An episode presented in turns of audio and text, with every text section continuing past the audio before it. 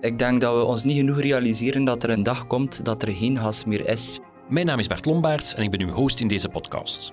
In elke aflevering zetten we telkens één element van renoveren centraal. Verwarming, sanitair, energie, noem maar op. In deze aflevering hebben we twee gasten, Wim van Leden, CEO van Stromop, en Karel van Wontergem, zaakvoerder van Eucofen België. Allebei zijn ze dag in dag uit bezig met verwarming op basis van pellets. Meteen het onderwerp van deze aflevering.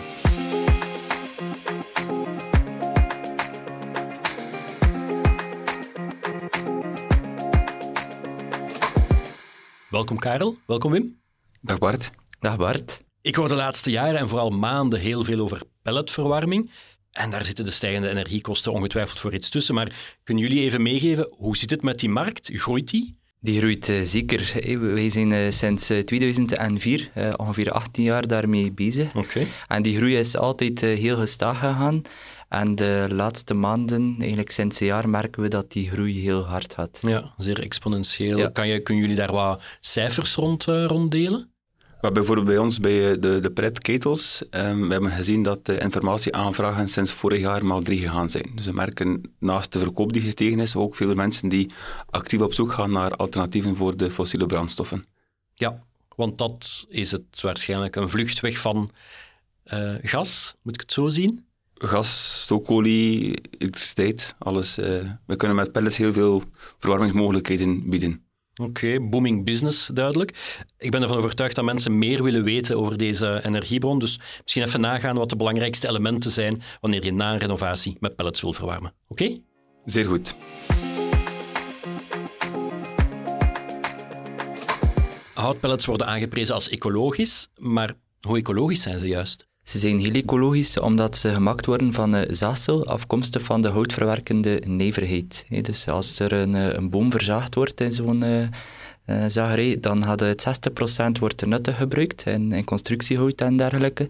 En ongeveer 40% is een, een, bijproduct. En daarvan is een groot deel zaadsel. En dus dat zaadsel wordt eigenlijk samengeperst in, in pelletkorrels. -huh. En die hebben een diameter van 6 mm. Oké, okay. kunnen we dan zeggen dat houtpellets CO2-neutraal zijn? Uh, CO2-neutraal is zeker zo. Het is een feit dat als je het zaadsel zou laten liggen en het laten vergaan, dan zou het evenveel CO2 uitstoten dan als je het zou verbranden. Oké. Okay. Uh, naast CO2 is er ook fijnstof. Ja, houtkachels worden daar, daardoor vaak een beetje als negatief uh, bestempeld. Is dat ook zo bij, bij pelletkachels? Bij pelletkachels komt er altijd een, een klein beetje fijnstof vrij bij de verbranding. Ja, maar uh, we kunnen dat eigenlijk best vergelijken met een, een barbecue, wat dat iedereen wel een keer ja. doet. Dus als je een jaar verwarmt met pellets, dan komt dat overeen met vijf keer barbecuen. Qua okay. fijnstofuitstoot. Ja, sprekende, sprekende vergelijking. Nu, het is zo, bij de pelletketels um, hebben we ook uiteraard die fijnstofuitstoot, maar door het feit dat we met Eucofen met de condenstechnologie werken, worden die rookgassen al deels gewassen. En daar, daarbij komend hebben we ook nog onze zero flame technologie, die toelaat om een nul fijnstofuitstoot uh, te gaan hebben. Oké, okay, okay. Dus bij, als fabrikant proberen we alsnog uh, innovatief te zijn om daar uh, beter op te scoren. Ja, ja die scoren steeds beter en beter. Een ander aspect van ecologie is, is, is de lokale productie. Kan je eigenlijk pellets uit België kopen? Worden er geproduceerd? Kan je die hier kopen? Ja, kopen kan je tegenwoordig overal. Iedere brandstofleverancier verkoopt uh, pellets. Um, en de productie in, uh, in België bijvoorbeeld zijn er twaalf fabrikanten die zelf pellets produceren. Okay. Als we kijken naar Europa, dan zijn dat er meer dan duizend die EN plus gekeurde pellets produceren. Ja, is er een manier om te weten of je Belgische pellets koopt? Ja, dus iedere, iedere, iedere fabrikant krijgt eigenlijk een code en de, die code begint met een landcode. Uh -huh. Dus aan de hand van die landcode kun je nagaan waar dat de pellets geproduceerd worden.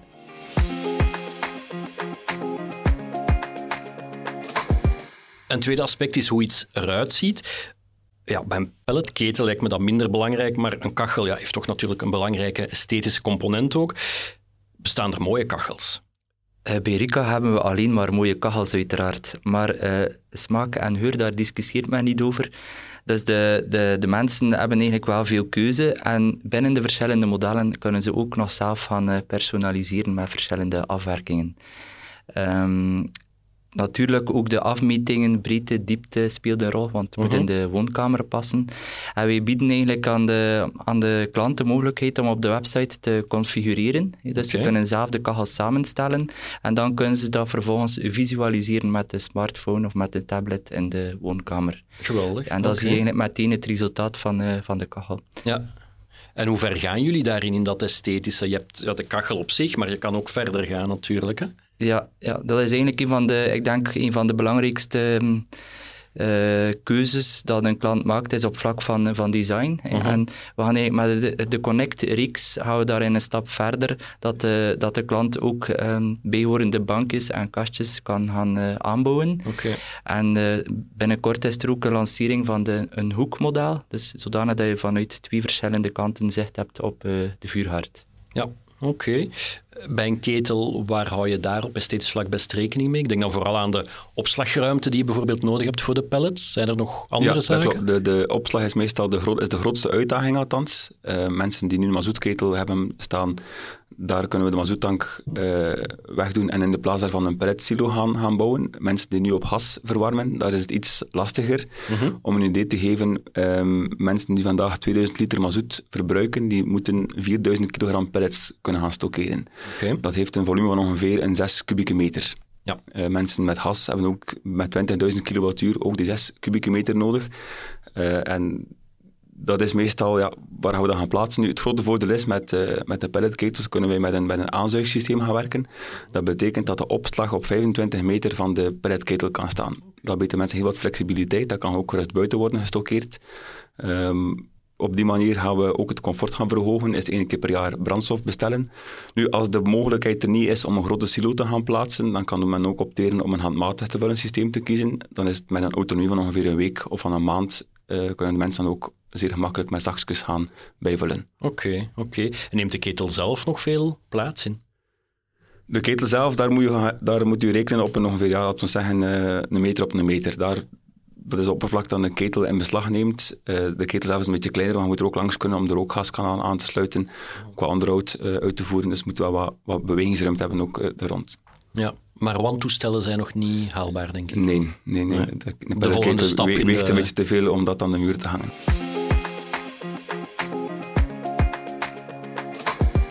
Ja, verder is er natuurlijk het technische aspect. In hoeverre zijn de toestellen en dan vooral de ketels de afgelopen jaar geëvolueerd? Um, Eucofin die werkt al sinds 2005 met condenstechnologie. Dat betekent dus dat wij ook eh, extra energie gaan recupereren uit de rookgassen. We zijn vooralsnog de enige fabrikant die daar goed in geslaagd is. Uh, daarnaast hebben we ook dus uh, de mogelijkheid om met een, met een te gaan werken. Dat betekent dat we naast ook onze verwarming ook stroom kunnen gaan produceren. Okay. Dat laat de mensen toe om 100% net onafhankelijk te gaan leven. Dus in okay. principe kan je daar de energieleverancier, uh, de stroomleverancier vaarwel zeggen. Je kan volledig je eigen boontjes gaan, gaan doppen. Um, daarnaast hebben we ook onze zero flame technologie, zoals daarnet vermeld, dus een, een, een stofuitstoot. Hebben we ook een automatische asverwijdering met een volmelding. Op die manier moet de klant maar twee keer per jaar zijn as laten uh, ledigen.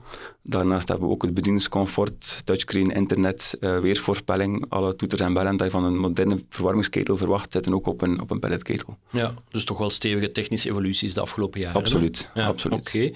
Bij de kachels, ja, is er daar nog rendementswinst te boeken eigenlijk? We zitten nu op een rendement tussen 91 en 94 procent. Uh -huh. En nog verder uh, stijgende rendement is uh, niet mogelijk, omdat we daar geen condenstechnologie kunnen aanbieden. Ja.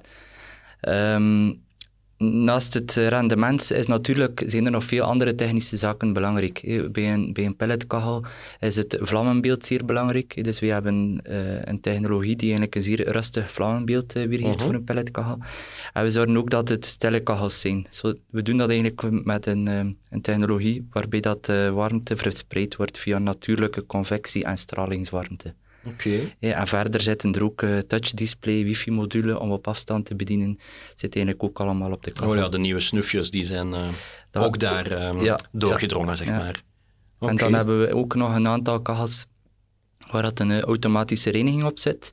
Uh -huh. uh, en dat laat eigenlijk meer toe om je kachel ook als hoofdverwarming te gebruiken, zonder dat je inboet aan, aan comfort. Oké. Okay. Uh, terug naar de, de ketels, moet ik daar eigenlijk rekening houden met nieuwe leidingen? Nee, dat is absoluut niet nodig. Nee, nee. Er, kan een, uh, er is misschien een beetje aanpassingswerk nodig aan, de besta aan het bestaande leidingswerk om effectief aan jouw huisinstallatie aan te sluiten, maar de radiatoren mogen blijven hangen, uh, de vloervorming kan blijven bestaan, daar is er geen breek- en kapwerk voor nodig. Oké. Is er op dat technisch vlak ergens een, een, fout of een uitdaging waar je als renoveerder best voor, voor oplet? Waarbij de pelletketel is het, is het opslagsysteem die, de, de grootste uitdaging is althans.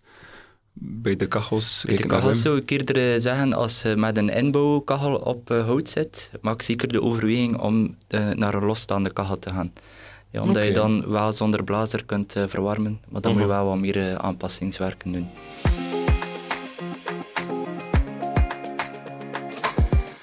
Belangrijkste hebben we voor het laatst gehouden, het budget. Uh, een belangrijk element voor wie wil renoveren en dan zeker ja, met de stijgende energiekosten.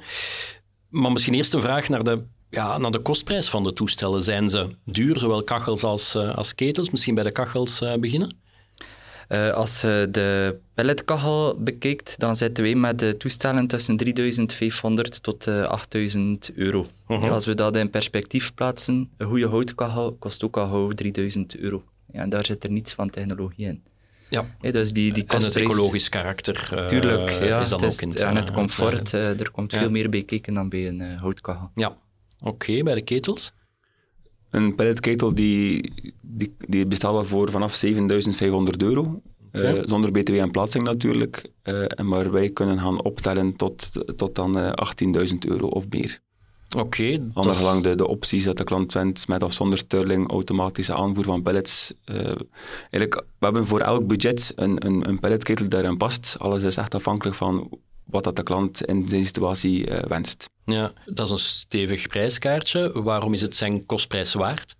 Nu, um, met Ocofin maken we alleen maar pelletketels. Wij, wij kunnen ons met recht en reden de specialist noemen uh, op uh -huh. het mhm. gebied van pelletverwarming. Dus onze, on, onze pelletketels die, die blinken uit in, gebruiksgemak. En, en comfort, dus één keer per jaar onderhouden, uh, twee of drie keer per jaar de asladen ledigen. Uh, betrouwbaarheid, dat zijn allemaal zaken die uiteraard ook de prijs gaan bepalen. -huh. En dan het punt waar we niet onderuit kunnen, de energiekost. Uh, die gaat door het, door het dak. Is de prijs van pellets ook gestegen de afgelopen tijd? Uh, het is voor het eerst in onze pelletervaring dat we weten dat de prijs eigenlijk ook een beetje de fossiele prijzen volgt. Ja, oké. Okay. Uh, dus, uh, maar veel minder snel, dat is het goede nieuws. Oké. Okay. dus ik heb daar straks gesproken over 1200 bedrijven in Europa die pellets gecertificeerde -huh. pellets maken. Dat zorgt er eigenlijk voor dat er veel meer concurrentie is dan met de fossiele brandstoffen. En eigenlijk door die concurrentie is ook die prijs veel minder onderhevig aan aan, uh, ja, aan de markt eigenlijk. Ja, en maak het eens concreet. Hoe sterk is hij gestegen en hoe sterk zijn andere uh, Ja, als we op dat jaar kijken, dan is uh, gas is maal 4,5 gegaan uh -huh. en, en pellets zijn in diezelfde periode maal 2 gegaan. Ja. Dus het verschil dat je kunt gaan besparen is veel groter geworden dan ooit -huh. tevoren. Oké. Okay. Als de luisteraar één zaak moet onthouden van deze podcast, wat is het dan volgens jullie? Vandaag de dag merken we meer en meer de verandering van het klimaat. Dus de klimaatopwarming wordt echt realiteit. Dus we moeten met z'n allen gaan CO2 gaan besparen. De gemakkelijkste manier om als gezin CO2 te besparen is uw verwarmingssysteem te gaan uh, veranderen van een fossiele brandstof, gas of stookolie, naar een hernieuwbare energie zoals pellets. Uh mhm. -huh. Op die manier kan je zonder comfortverlies toch een heel pak aan CO2 gaan besparen. Oké. Ja, ik zou daar graag bij aansluiten. Ik denk dat we ons niet genoeg realiseren dat er een, eh, een dag komt dat er geen gas meer is. Vandaag is de, is de vraag, wat is de prijs? Maar er komt ook een dag dat er geen gas meer is. Uh mhm. -huh. En dan heb je met pellets de keuze gemaakt om ook nog in de toekomst te kunnen verwarmen. Op een comfortabele manier. Ja, dat is een zeer duidelijke boodschap. Hartelijk dank voor dit boeiende gesprek, Wim van Leden en Karel van Wontergem.